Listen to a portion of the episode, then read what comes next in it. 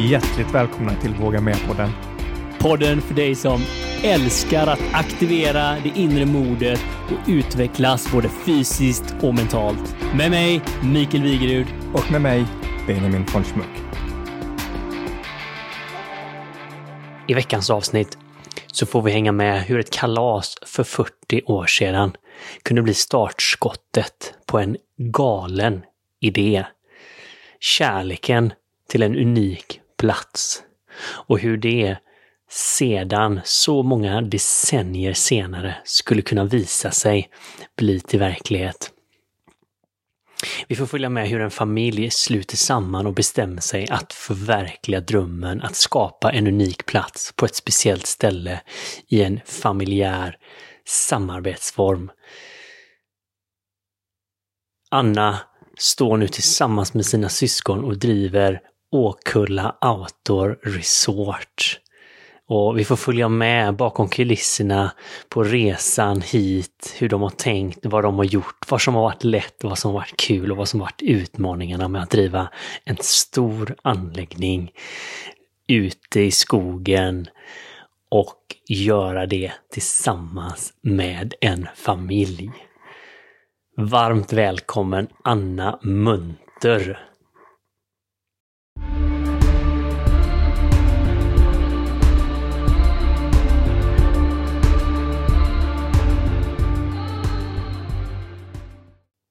Nej, men allting startade eh, 2019 när min mamma såg eh, VFAB, vår fastighetsvärd. Vem vill driva nya Åkulla? Eh, min bror jobbade då i Stockholm och pendlade väldigt mycket. Och jag jobbade som egen företagare. Eh, och då gick de ut med, ah, vem vill driva nya Åkulla? Och sa, ska vi inte, ska vi inte hoppa på det? Ska vi inte liksom lämna in affärsplan? Och utan egentligen att tänka så just satt vi oss ner och så skapade en affärsplan utefter destinationen, Åkulla, outdoor, vad ska man göra och resort. Och så skickade vi in en affärsplan. Och det var åtta intressenter och de tyckte då att våran var the top. Wow! Mm. Och sen påbörjade vi ett arbete. Vi fick reda på, vad var det, fyra månader senare, tror jag det var ungefär, att vi hade fått det. Och då påbörjade vi ett arbete med att skapa en marknadsplan, hur vi skulle jobba. Så i, sen öppnade vi i januari 2020. Och vad hände mars 2020? Någon som kommer ihåg det? Jag har försökt glömma faktiskt, ärligt talat. Men av intressanta starter man kan få mm. på, på någonting. Men hur som helst så sitter vi ju nu ute på Åkulla Outdoor Resort med en magisk utsikt från konferenssalen och yogastudion. Mm. Och den här drömmen mm. verkar, vad jag och Benjamin kan se, ha blivit i allra högsta grad verklighet. Jag, jag, kan säga det, om jag zonar ut under samtalet så är det för den här fantastiska utsikten genom de här glasrutorna här just nu och vi har solnedgången om kanske fem minuter. att, men jag tänkte på det här, um, du nämnde att vi tog det här mm. liksom beslutet och vi, vi vann det här av de här åtta sökande. Vilka är vi? Vi är mamma och mamma är ju en entreprenör. Eh, och där har väl hon lagt liksom grunden till mig, mig och min bror i vårt entreprenörskap. Eh, hon startade en eh, träningsanläggning på 90-talet i Varberg. Och då sa de till henne så här, tror du verkligen att folk kommer att betala för träning? Sa man det då på 90-talet? Ja. Man tror, det fanns ju inte, var inte på andra sätt. Det var ju mycket föreningslivet. Så att, eh, ja, det trodde hon. Så hon är med. Eh, Kurt, som jobbar som byggare. Som är då våran MacGyver. Och alla behöver ju MacGyver i sitt liv. Det är han som fixar allting. Vi har idéerna och han fixar det. Han har lösningen. Han har lösningen. Ja. Och sen är det min, bro, min brorsa som har jobbat mycket med organisationer. Han var, jobbade för Svenska fotbollsförbundet tog fram den nya sporten futsal. Och skapade en seriespel och ett landslag. Så han har mycket att jobba i organisationsnivå. Sen har vi min svägerska då, som var med. Hon är eh, uppväxt på en bondgård. Så hon har det här tänket att ta tillvara på saker. Jobbade som IVA-sköterska eh, när vi satte igång. Och sen så kom min son in, som idag är 22 år. Eh, stort, eh, han satsar mycket på sin fotboll men har ju den här lite mer ja, men tekniska saker. Han är duktig på bokningssystem och lite snabbtech och väldigt, väldigt social. Um, och sen är det då min dotter som är nu 18, hon jobbar extra på helgerna. Och sen är det Maja då som är 12, som i början tyckte det var skitkul att vara här. Inte lika kul nu. Men, Ännu eh, mycket där, från 9 till 12. Ja, 9 till 12 liksom, nu är hon en tonåring. Eh, sen var det ju, var ju, mamma och Kurt har ju två glada pensionärer. De har ju liksom inte, de har ju bara varit här, de har ju inte tagit ut någon lön eller någonting, utan de har gjort detta för våran skull. Och det är vi evigt tacksamma för. Mamma har ju hållit i alla budgeten och pengarna och liksom strukturen så, så att vi kan fokusera på eh, att göra saker. Um, så att, och sen så var vi tre stycken som var anställda. Det var jag och min bror och min svägerska till en början med och sen kom min son in. Och nu är vi tio heltidsanställda och 40-50 timanställda på högsäsong. Men, men så i grunden, det här är så spännande i entreprenörsresan, för det, det är verkligen en familjesetup. Mm. Och det är ju väldigt, vi pratar om det på vägen ner Benjamin, hur, hur ovanligt och vi gissar också hur utmanande det kanske är, men om vi börjar på ovanligt. Mm. Att det, i dagens Sverige så är det väldigt individualistiskt och alla ska gå sin egen väg och man ska ju inte göra det som mamma eller pappa har gjort. Nej. Och här är man kan nästan känna den familjära stämningen man kommer in, men i hela organisationen och ledningen så har det varit grundstöttepelaren från, från början. Ja, precis. Jag, jag, vill komma till lite utmaningar, men, ja. men jag, hörde, jag hade ju förmånen att, komma hit och träffa din mamma första gången. Ja. Jag var på utflykt, random här i skogen. Alltså naturområdena här omkring är ju helt magiska. Mm. Så, så, min kompis hon älskar eller hon hade drömt i typ ett decennium att komma till de här bokskogarna. Och, och på något vänster så hamnar vi på vägen till Ullared. Det är en ganska liksom, kommersiell väg och då kommer den här skylten Bokskogarna i Åkulla. Mm. Varpå hon säger att jag har drömt om att åka dit. Och då säger vi, men herregud, då får vi väl åka dit nu då. Så vi åker till de här bokskogarna, vandrar lite. Alltså det är ju så fint. Mm. Och då säger du, det är ännu finare när det blommar. Mm. Men jag var fascinerad av att det fanns ett sånt landskap mm. här. Liksom.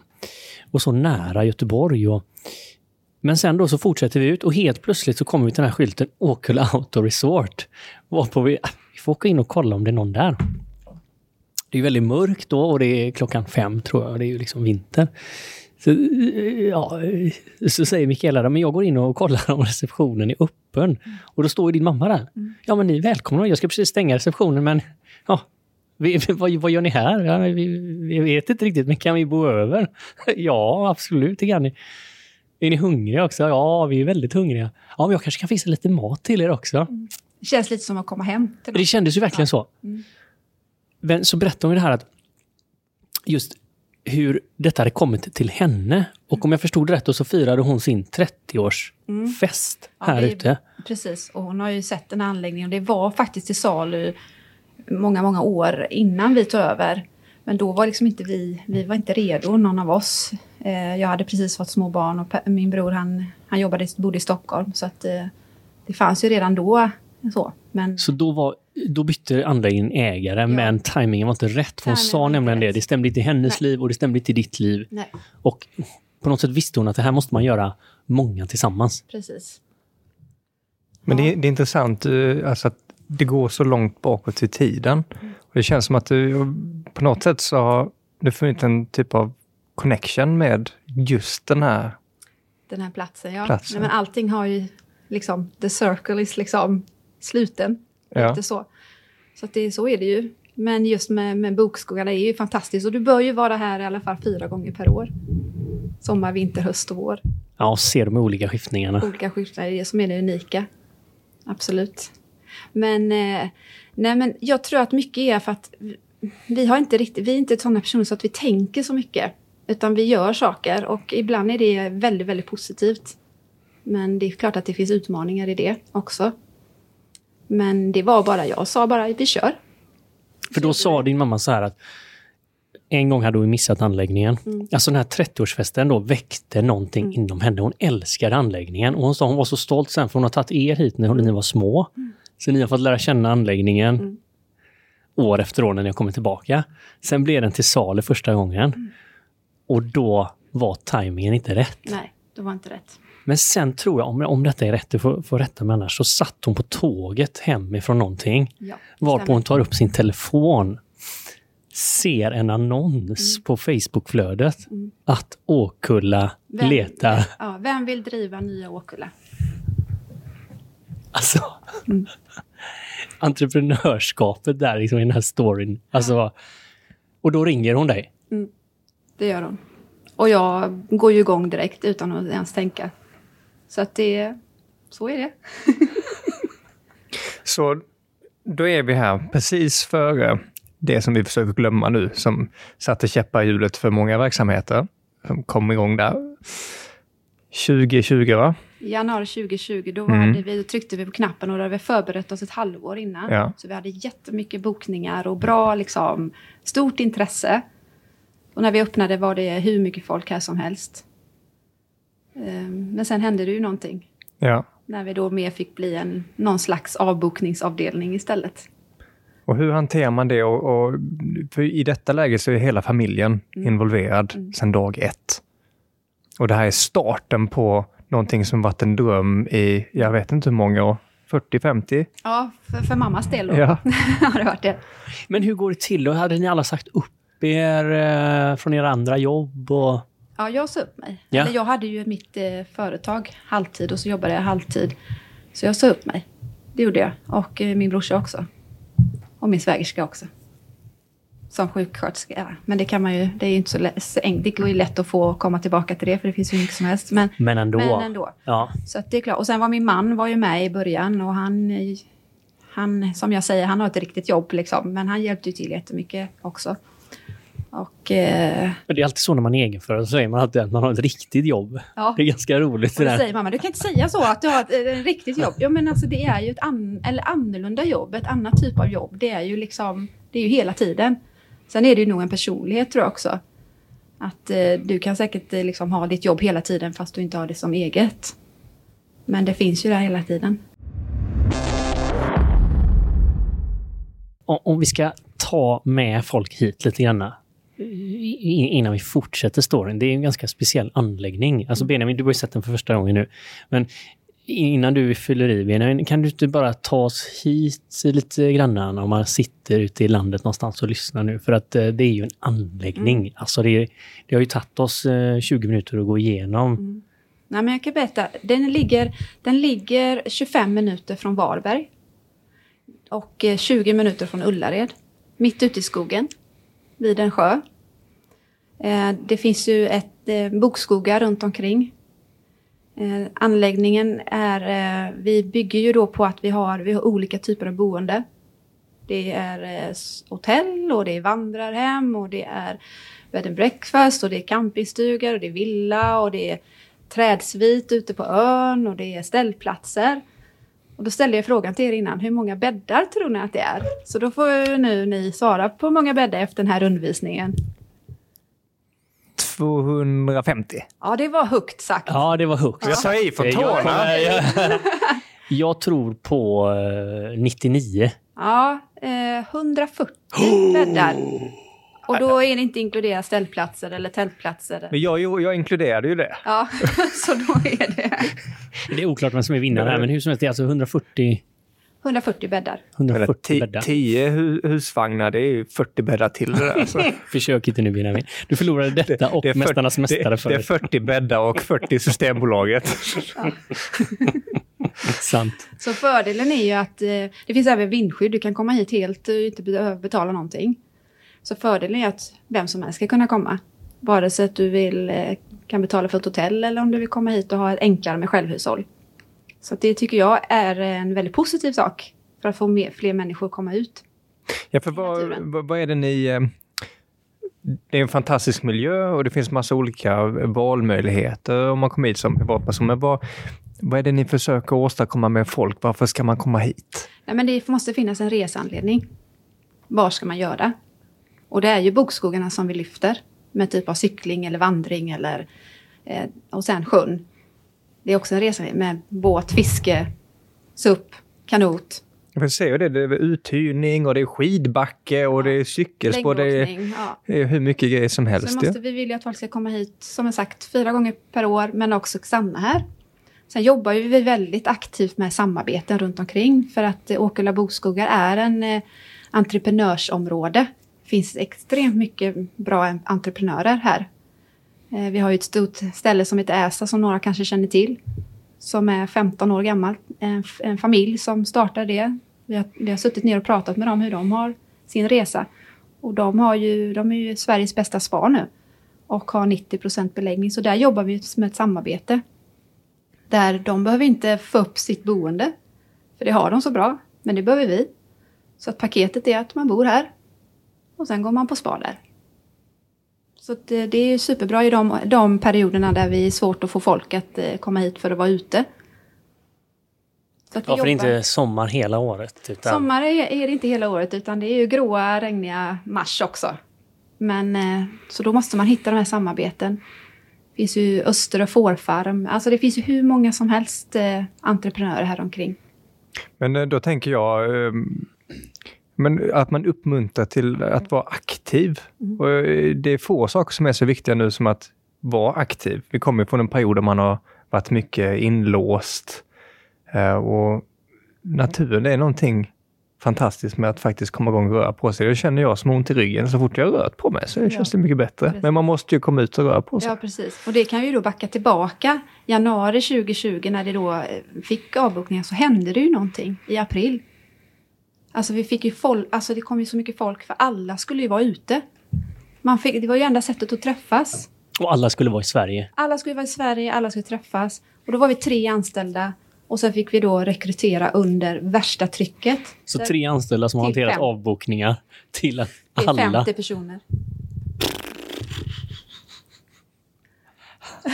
Där allting är nytt.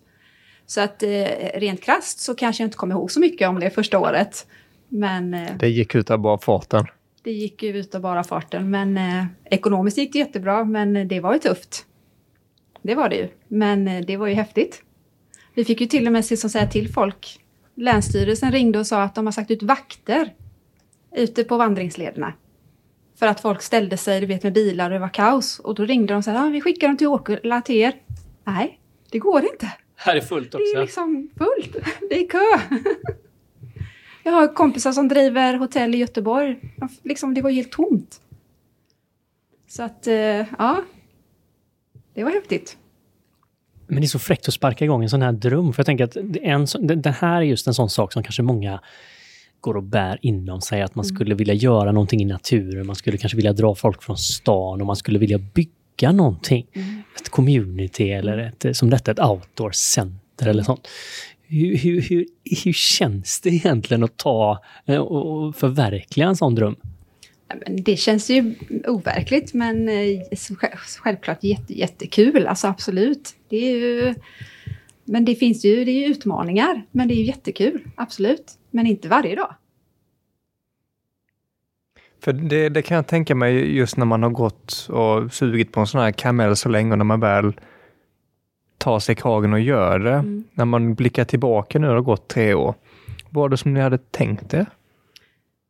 Men som jag sa innan, jag har inte tänkt så mycket. Ja. Alltså, jag, jag är inte en sån person som tänker så mycket, utan jag bara gör. Så jag har inte reflekterat och ibland kanske man kan fundera på det kanske hade varit bra att reflektera lite innan. Men det jag är en doer, jag gör saker och sen så det får bli som det blir. Och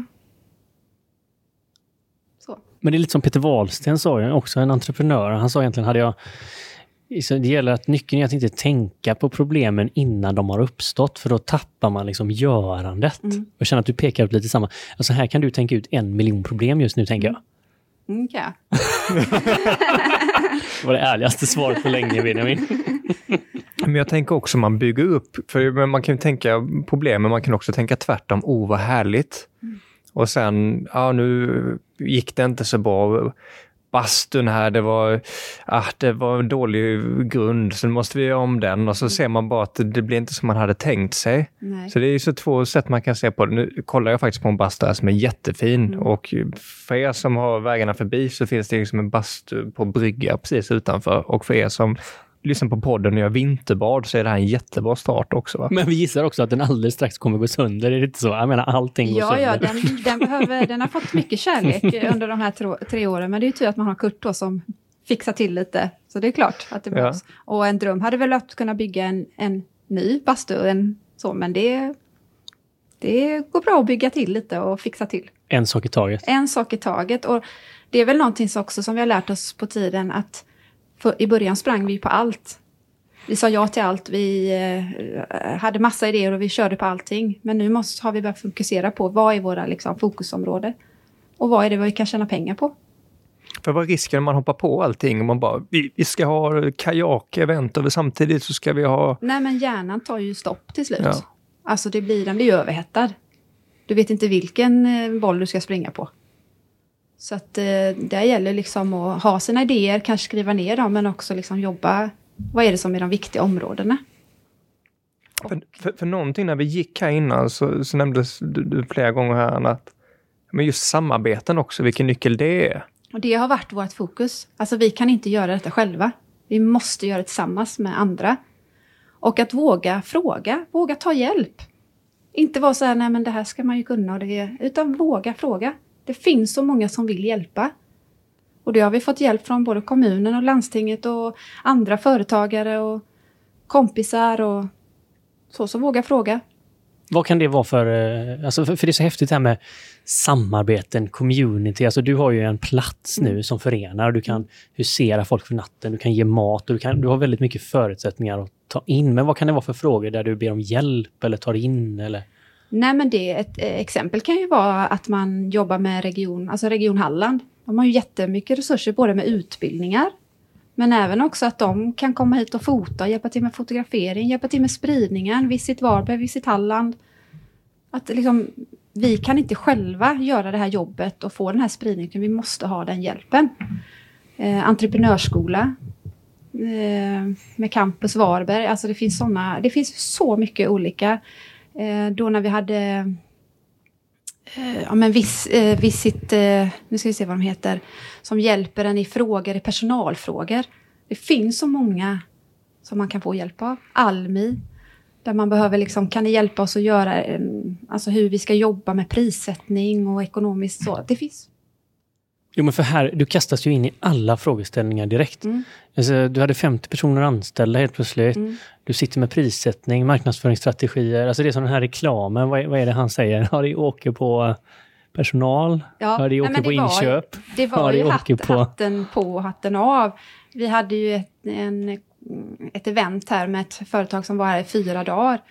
Och då var det, jag stod ju i baren till klockan ett och sen körde jag yoga klockan sju på morgonen första året. Det var ju så, så det, så det var. Och ibland känner man ju att det är, ja, men det är så det är. Men alltså, är det någonting som jag tycker är så underbart, det är liksom minerna på folk när personen som serverade öl sent på natten står där och säger ja, vi kan sätta oss ner här nu, ska vi börja och sträcka upp händerna mot taket. Känner du igen dig i den? Mikael, har du också varit där?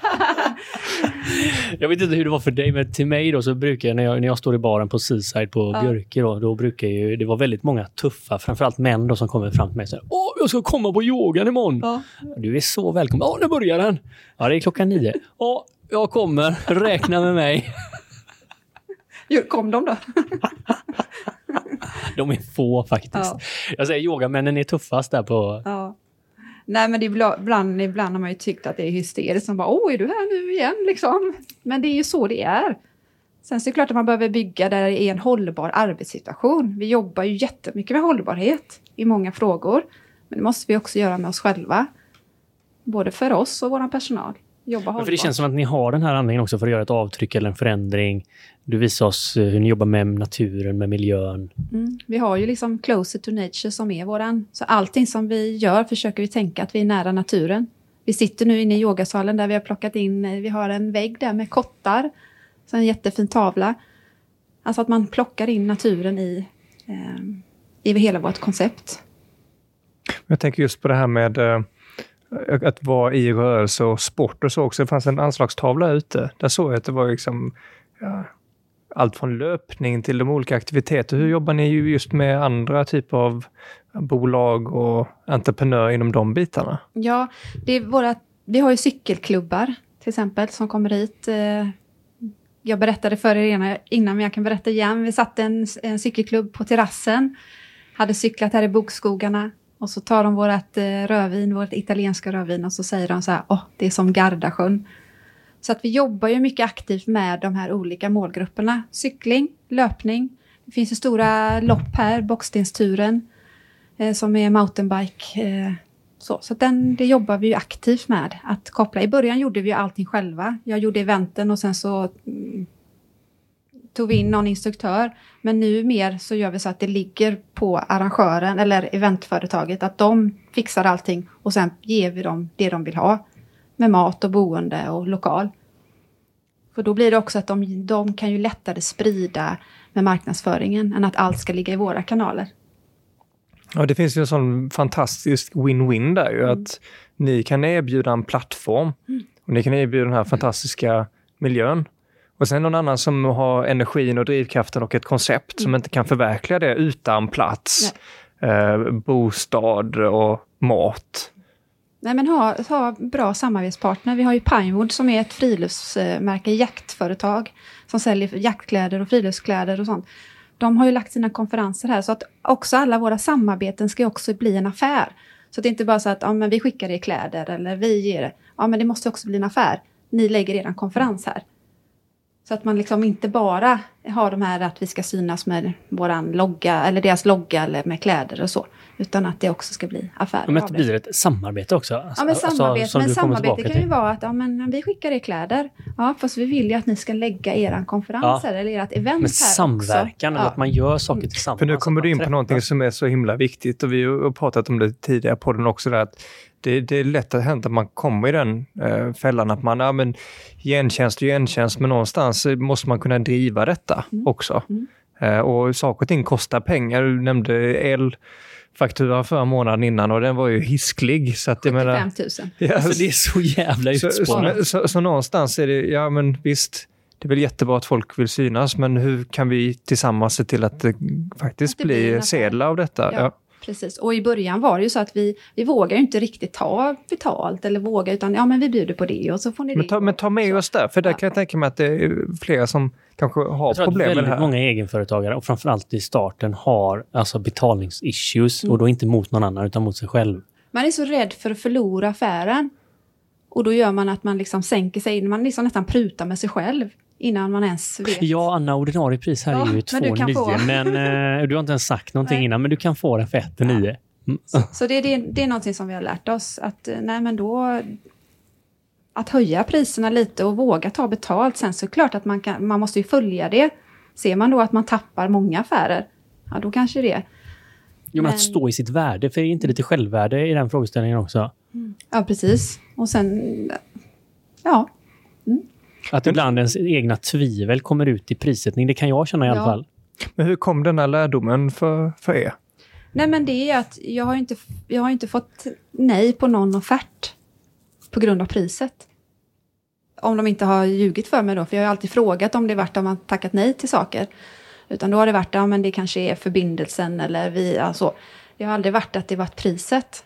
Och jag fick ju nu också höra att det var ett företag som sagt det var fantastiskt bra ställe, men så jäkla billigt. Ja, Ja, det är väl det man får liksom, det är ju en lärdom på vägen. Det är ju jättesvårt att veta. Men våga ta betalt. Vi vet ju att vi har en fantastisk produkt. Den är unik. Det är inte många sådana här ställen som finns. Framförallt inte inne i södra Sverige. Nej, och då har man ju egentligen, då skulle man kunna få in folk från kära Danmark och så här också ju. Ja, men precis. Och den marknaden För börjar jag menar, där är inte så mycket natur där. Och den hade vi ju inte första åren, men den Ja. kommer ju så. Men sen så är det klart att du ska ha betalt, men du ska ju leverera. Och vi vill ju att det ska vara, vi vill att det ska vara personligt. Det ska kännas som att man kommer hem fast det är en stor anläggning. Och det har ju sina utmaningar. Hur jobbar man med sådana utmaningar just med personal och sånt? För det är ibland lättare när man har kontrollen själv och Ja. liksom så här, folk som har varit här lite längre eller känner till Nej, konceptet. Men involvera personalen. Ja. Alltså jätte, jätteviktigt och det har vi ett problem som elräkningen till exempel. Vi, viss, alltså, vi vet nu att det kommer komma en hög elräkning. Vad kan vi göra för att liksom minska den? Då samlade vi hela personalen av de här fasta och alla fick liksom utrymme och ge jättebra tips och alla blev ju liksom, alla gjorde ju jättemycket saker. Så att involvera personalen, eller som vi kallar det, våra medarbetare. Vi kallar egentligen inte så mycket personal. Nej, men alla är med i den här skapande processen. alla är med och eh, försöker vi liksom vara personliga och vi är liksom positiva och den så, så smittas det ju av sig. Sen det är klart att eh, när det är utmaningar så är det klart att, ja. Nej men involvera personalen. Och så se deras styrkor och vara var öppen, att transparent med problemen. Inte gömma sig på kontoret och liksom, utan öppen. Nu är det så här. Vad Men då, ska blir vi göra? det, då är det inte ditt problem längre. Det låter som att då låter du det här problemet på bordet och det här problemet har vi nu. Ja, vi har detta. Det är inte bara så att jag och Per har det, utan det är vi. Det känns som att det, så kanske man inte såg på det dag ett. Nej, det gjorde det inte, för att jag visste ju inte heller inte vad jag skulle... Alltså, nu vet jag ju lite mer. Jag vet ju, men då visste jag ju inte. Vad är rätt eller vad är fel? Eller jag hade aldrig liksom haft så här mycket personal, eller haft personal överhuvudtaget. Hur man skulle jobba med Det ledarskapet. är lite skillnad att gå från... Du, du hade eget företag innan Ja, till att ha 50 anställda Mm. som ska arbetsledas på daglig basis. ja. Och det gäller ju att man hittar sina roller och det är väl det som vi har nu skapat under de här tre åren, att vi är mer tydliga i våra roller. Att Ja, men Per har haft med liksom de här personalfrågorna och den biten och ut, stora utvecklingsdelar. Och jag har haft med mig marknadsföring och samarbete. Men att då vara tydlig till de som man jobbar med att vem det är liksom man ska gå till. Samtidigt är det en utmaning för vi är ju en familj. Helt plötsligt kommer mamma där i liksom, och tycker, tycker någonting. Jag vet, du vet när mamma tycker någonting, då är det inte så mycket valbart. Nej. Men det här har jag velat i 40 år. Ja, precis. Eller så, ska ni inte göra så här istället? Och varför gör ni så? Nej, men vi hade ju aldrig klarat oss utan henne. Men hon hade inte klarat sig utan oss heller. Så att, Nej, men det verkar ju som att ni har hittat ett fantastiskt samarbete och börjat hitta varandras roller och, och när du pratar om någon så, så, som blomstrar i sina styrkor också. ja, sen kan man ju inte säga något annat än att det har varit utmaningar. Man har ju en arbetsroll och man har ju en familjeroll. Det är min mamma, Ja, det är hur- min bror, jag är stora syster, det är min svägerska, det är min son. Alltså, vi har ju de rollerna och det har ju varit kanske den mest utmanande delen. Ja, för hur, hur navigerar man det? Nu har ni testat på detta i, i tre år. Men jag tänker det hade kunnat vara så att ni testade på det ett halvår och sen så gick det åt, liksom, Firar ni fortfarande jul tillsammans? Vi firar jul tillsammans, eh, det gör vi. Vi har inte så mycket att vi träffas eh, liksom bara sådär, så det gör vi inte, födelsedagar och så. Men, eh, nej men vi... Men ni träffas ju väldigt mycket på jobbet inom citationstecken då. Men jag ska ju säga att det är utmaningar. Men när det brinner, då finns man där. Men det är klart att vi har våra grejer. Man har inte riktigt det filtret som man har mot anställda. Alltså kroppsspråk och liksom, Det är lättare att Kan du ta med oss här på... Vad, vad, vad, beskriv vad, vad det här filtret innebär för någonting. Nej men jag, alltså om, om en, någon av våra medarbetare säger, säger så tycker, eller det är nå- någonting som vi diskuterar så då har man ju den professionella. Men om då det är jag och brorsan, då är det ju liksom, då är ju vi syskon. Sen så försöker man ju hålla sig till det, men det är inte så jävla enkelt. Nej, men där är väl med familjerelationer att de, de, säkringen går ju väldigt Ja, snabbt. Det är svårt. Om man och- tolkar så mycket som man inte hade kanske tolkat om man hade varit liksom när din anställd Hur fan kan du säga något sånt här? Fattar du inte den här situationen bättre? Eller tänka liksom, nu tänk, alltså man också tror att någon tänker någonting, fast Ja. det kanske inte ens är sanningen. Det här är underförstått att personen, Ja, brorsan, det här måste du fatta. Att jag tänker så här. Mm. precis. Så att, och som mamma... Och han, och han tänker bara, du är egentligen bara hungrig. Ja, just det. Ja, det har ju också varit en utmaning. Jobba i restaurangen och jobba jättemycket och så får man inte äta.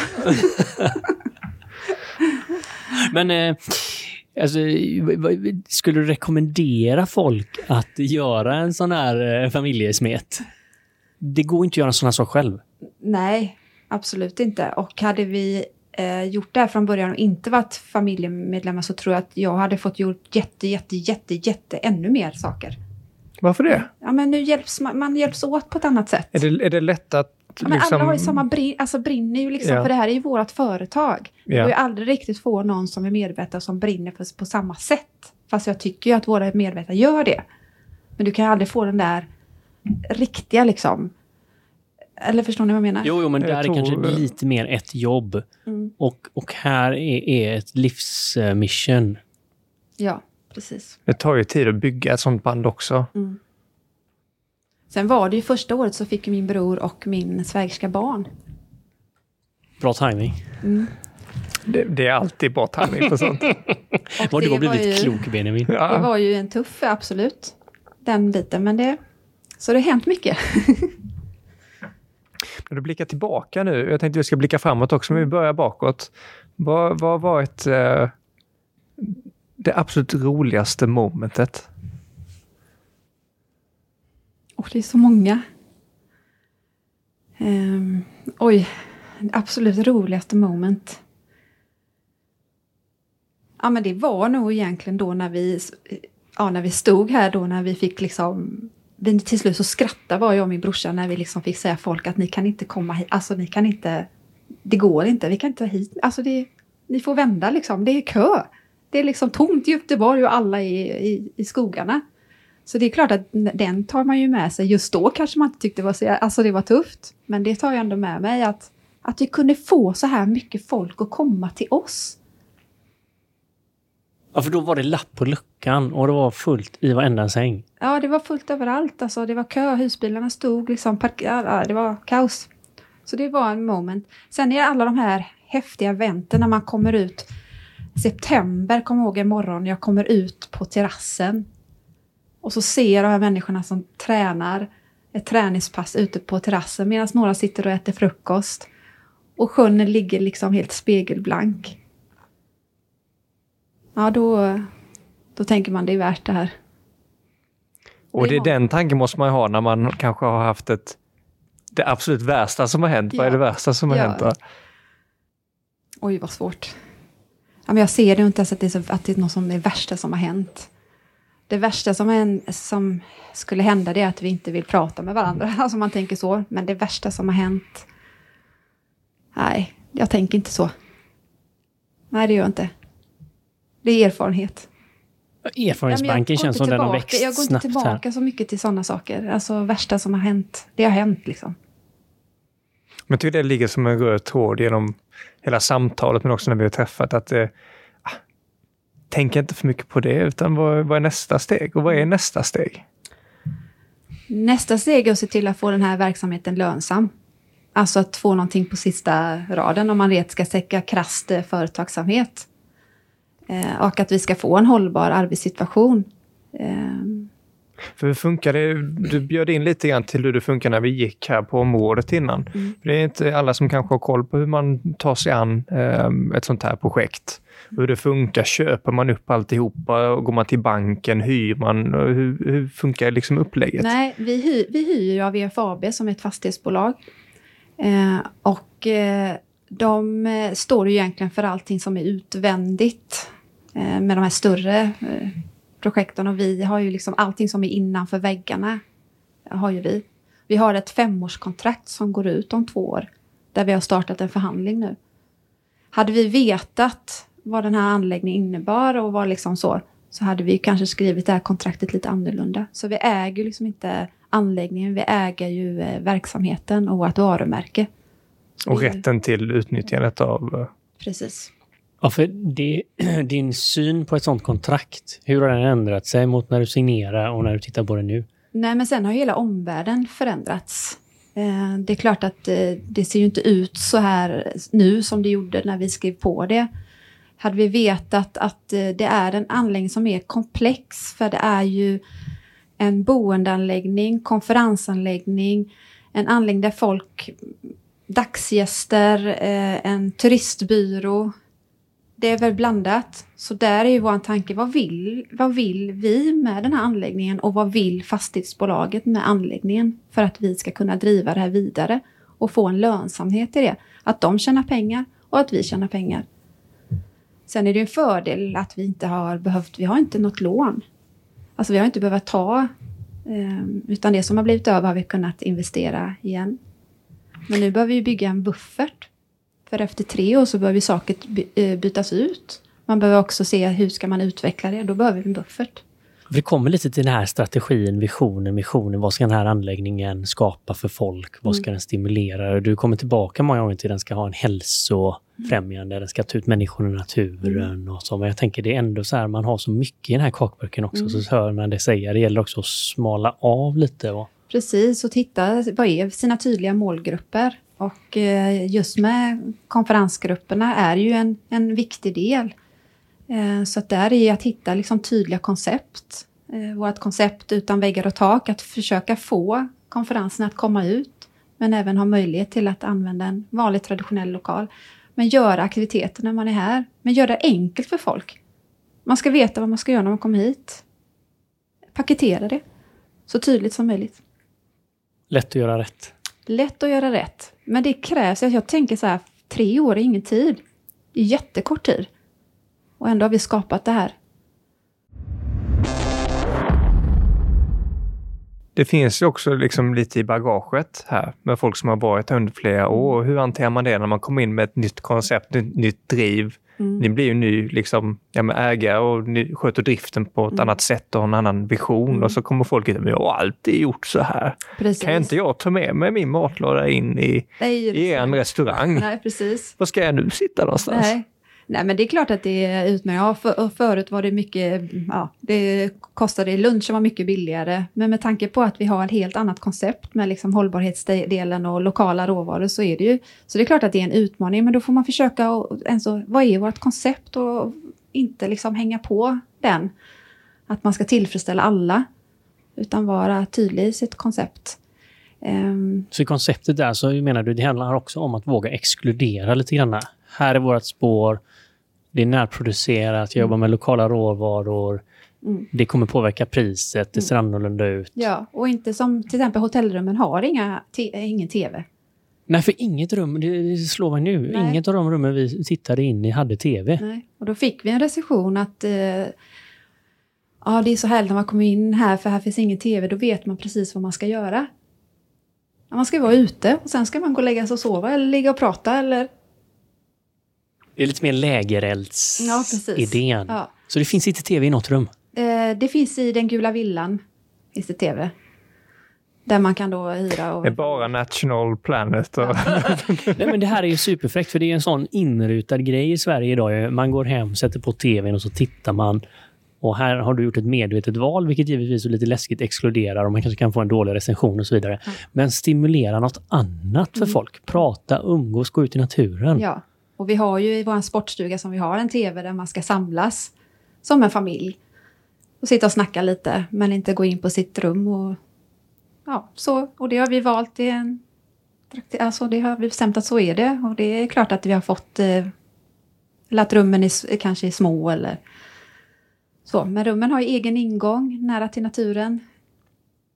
För, för jag tycker det är, mm, ja, men det är fint det här med eh, att, att göra någonting med syfte. Att inte försöka göra allting. Vi pratade lite grann om det innan, som typexemplet är att man kan få vilken rätt man vill på en viss typ av Kina-restaurang. Man kan få japansk, koreansk, man kan få i, i Luleå så kunde man få pizza också. Alltså det är liksom, de var alltihopa. Men det smakar också på något sätt lite samma sak, även mm. om allting, mm. du har massa valmöjligheter. Och det finns en viss finess med att vara knivskarp i vad man erbjuder. Mm. Och om, om, man ska ta lite lärdom från ja, men, folk som har gjort driften innan, så har ju det här kommit upp till alltså, förnyning och förnyning och folk har bytt och bytt. Vad mm. kan man lära sig av att att de kanske kunde gjort annorlunda. För hade de haft det perfekta konceptet så mm. hade de ju haft kvar kontraktet. Ju. Precis, precis. Nej, men jag tror att vi ska minska på valmöjligheterna. Alltså så. Och tänka att det är ett, ett hållbart sätt. Både skönt för oss att slippa behöva välja massa saker, men också för, eh, för hållbarheten med eh, ja, men om man ska ha 20 rätter på en meny, vad innebär det? Med inköp, matsvinn och den biten. Och därför har vi valt att vi har tre rätter och gör dem riktigt jäkla bra på kvällen. Vi har också valt att ha, vi har två, fyra rätter har vi på lunchen. Men eh, så att göra det enkelt för folk men ändå ha en tanke med det, att kunna säga varför vi gör så. Men det, jag är sån när jag går till restaurang också, när det är en stor meny, det är så här, då frågar jag någon som kan rekommendera mig vad jag ska ha och så tänkte jag, ah, jag är inte sugen på det, då frågar man en annan fråga. Mm. Ja men val, alltså behöva slippa alla valen. Det, det, det, det är i alla fall det som det vi kör på. Sen kanske inte alla tycker det är rätt. Men det är så vi gör. Och då är det helt okej okay att kanske exkludera den personen som ska ha någonting speciellt på exakt det där andra sättet. Ja, precis. Men sen så försöker vi tillfredsställa alltså vegetariskt och eh, veganskt och hela den biten. Det gör vi ju. Vi försöker ju göra så mycket vi kan. Ja, det är en historia för sig idag att vara kock och tillfredsställa alla olika Ja, behov som existerar, men det är ju den världen. Om vi skulle bjuda in eh, dig eh, för tre år sedan här Mm. och fått sitta på en stol bredvid här i, i poddstudion. Vad, vad skulle du säga till dig själv då, tror du, för tips? Nej, men kanske så här, var inte så hård mot dig själv. Eh, du, har gjort, du har gjort ett jävligt bra jobb liksom. Så inte vara så hård och eh, försöka att inte... mm, Ja, men fira framgångar. Fira som fan när det går bra. Och inte bara köra på nästa boll. Nej, för det är så lätt att hoppa in i nästa. Ja. Hur gör man då? Alltså stannar man upp?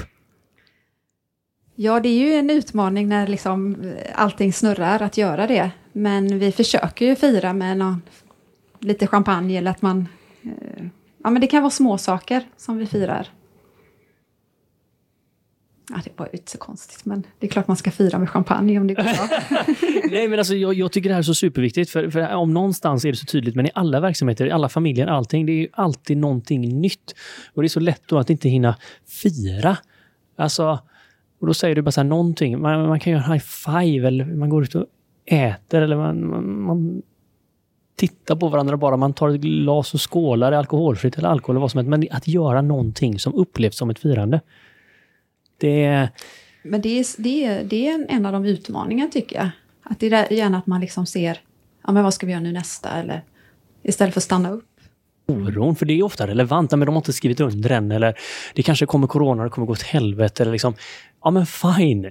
De har skrivit under, men de kanske inte kommer gilla samarbetet. Ja, men du vet, Mm. en miljard sketgrejer som en kreativ människa, inklusive oss, kan hitta på. Ja. Men där är ju, det är ju en utmaning, framförallt nu då när man står i den situationen när allting, alla priser höjer och privatmarknaden eh, kanske inte lika, riktigt lika lättsålt och man är tvungen att liksom eh, dra ner på tjänster och hur fasen firar man då? Hur gör man det? Och hur är man liksom transparent med det? Det tycker jag är den stora utmaningen, för vi vet ju också att snart kommer det smälla till. Eller vi vet inte, det vet vi faktiskt inte. Det kan ju bli så att eh, privatmarknaden inte klarar av att liksom komma hit för att eh, ekonomin, det vet vi inte. Hur firar man då när man måste liksom börja dra ner? Hur gör man det? Folk först är mer förstående än vad man tror, tror jag. Alltså, alltså inte sätta för mycket etiketter på saker och ting. Det är egentligen, jag hör, hör dig och ser dig i ett sånt här... Du har ju typ en miljon roller på ett vanligt jobb. Har du ett, du har ingen HR-avdelning, du har ingen vaktmästare, du har ingenting. Alltså allting inkluderas i arbetsrollen. Eh, men att folk ofta är förstående om man är ärlig och istället för att säga så här, åh det är så tråkigt detta eller det är så roligt detta eller sånt, så är det mer saker som behöver göras. Mm. Ja, men precis. Och det, så har vi ju äh, gjort att man tar den här promenaden, pratar med personen, att det här krävs för att göras. Men det är eh, en utmaning för oss och eh, vi kommer behöva göra det här. Men, Jag tänker på någonting också. Alltså, om, när allting bara går bra, så ofta så blir det statiskt. Mm. Varför förändra någonting som funkar? Men när man stöter på problem, då tvingas man till att bli mer kreativ. Och när vi hade Törnström i, i podden till exempel, mitt i covid, hur driver man en Michelin-restaurang i det? Mm. När du inte ens får ha öppet. Nej. Nej. Så att eh, då tog de och liksom, okej, vi gör matlådor. Så de gjorde massvis med matlådor, körde iväg med en liten bil och sålde det på, på stan. Och så kom ju någon där och sa, har du tillstånd att stå här och sälja? Och så han, du, du tar det här fingret och liksom sätter upp det någonstans. Men de, de, hade ju, de var ju tvungna att komma på någonting och då gjorde de det. Mm. Och sen har ju vissa delar av de koncepten levt kvar i liksom annan anda. Mm. Eh, och det känns som att alltid när saker och ting kanske känns lite tufft, det är då folk som tar tag i det och hittar andra möjliga kanske ja, revenue streams eller andra typer av samarbeten. Ja, det, det är där det kanske kommer fram riktigt nya fräcka grejer. Ja. Vad vill du att man ska åka med för känsla om man åker från eh, känslan är att eh, det här personliga mötet, att man ska känna sig ja, som hemma när man varit här. Man ska känna liksom, man ska ha absolut ha fått känna naturen. Eh, våra vandringsleder och sjön. Eh, känslan av att eh, fylla på. kanske inte, alltså koppla ner, fast koppla, inte ko koppla av, men koppla ner. Alltså koppla ner, alltså ta bort eh, massa intryck och allt det där som snurrar runt omkring. Så det är en sån där, koppla ner. Är bra. Öppna upp. Mm. Någonting som är ganska stängt. Mm. Precis, och det, vi vet ju att eh, naturen gör någonting med oss. Alltså någonstans så lämnar vi väl den känslan i alla lurar där ute, Benjamin. Då, då är min fråga här då. Om man vill ha och känner att man, man behöver komma iväg från stan, Mm. har ni sådana här eh, weekendpaket? Ja, vi har vandringspaket, bastupaket, vi har längdåkningspaket, vi har nu sportlovspaket. Paket fixar vi, vi löser det. Om man vill gå in och kolla och se lite mer, vart är bäst att gå in? Ja, men vill ni ha lite mer personligt, följ oss på Instagram, Åkulla Auto Resort. Vill ni ha mer informativt, fina bilder, inspiration, så gå in på vår hemsida www.akularesort.se. Vill ni ha personlig kontakt så mejla mig anna akularesort.se. ja, men, fantastiskt roligt att vi fick komma hit, Anna. Ja, tack. Tack. Jättekul. Jag är jätteglad för att ni kom hit. Stort tack till dig som lyssnar, som hjälper Våga Mer-podden att växa och nå ut via de sociala kanalerna. Vi har ingenting utan er lyssnare och både från mig och från Mikael så skickar vi ett stort Våga Mera så hörs vi igen i lurarna nästa avsnitt.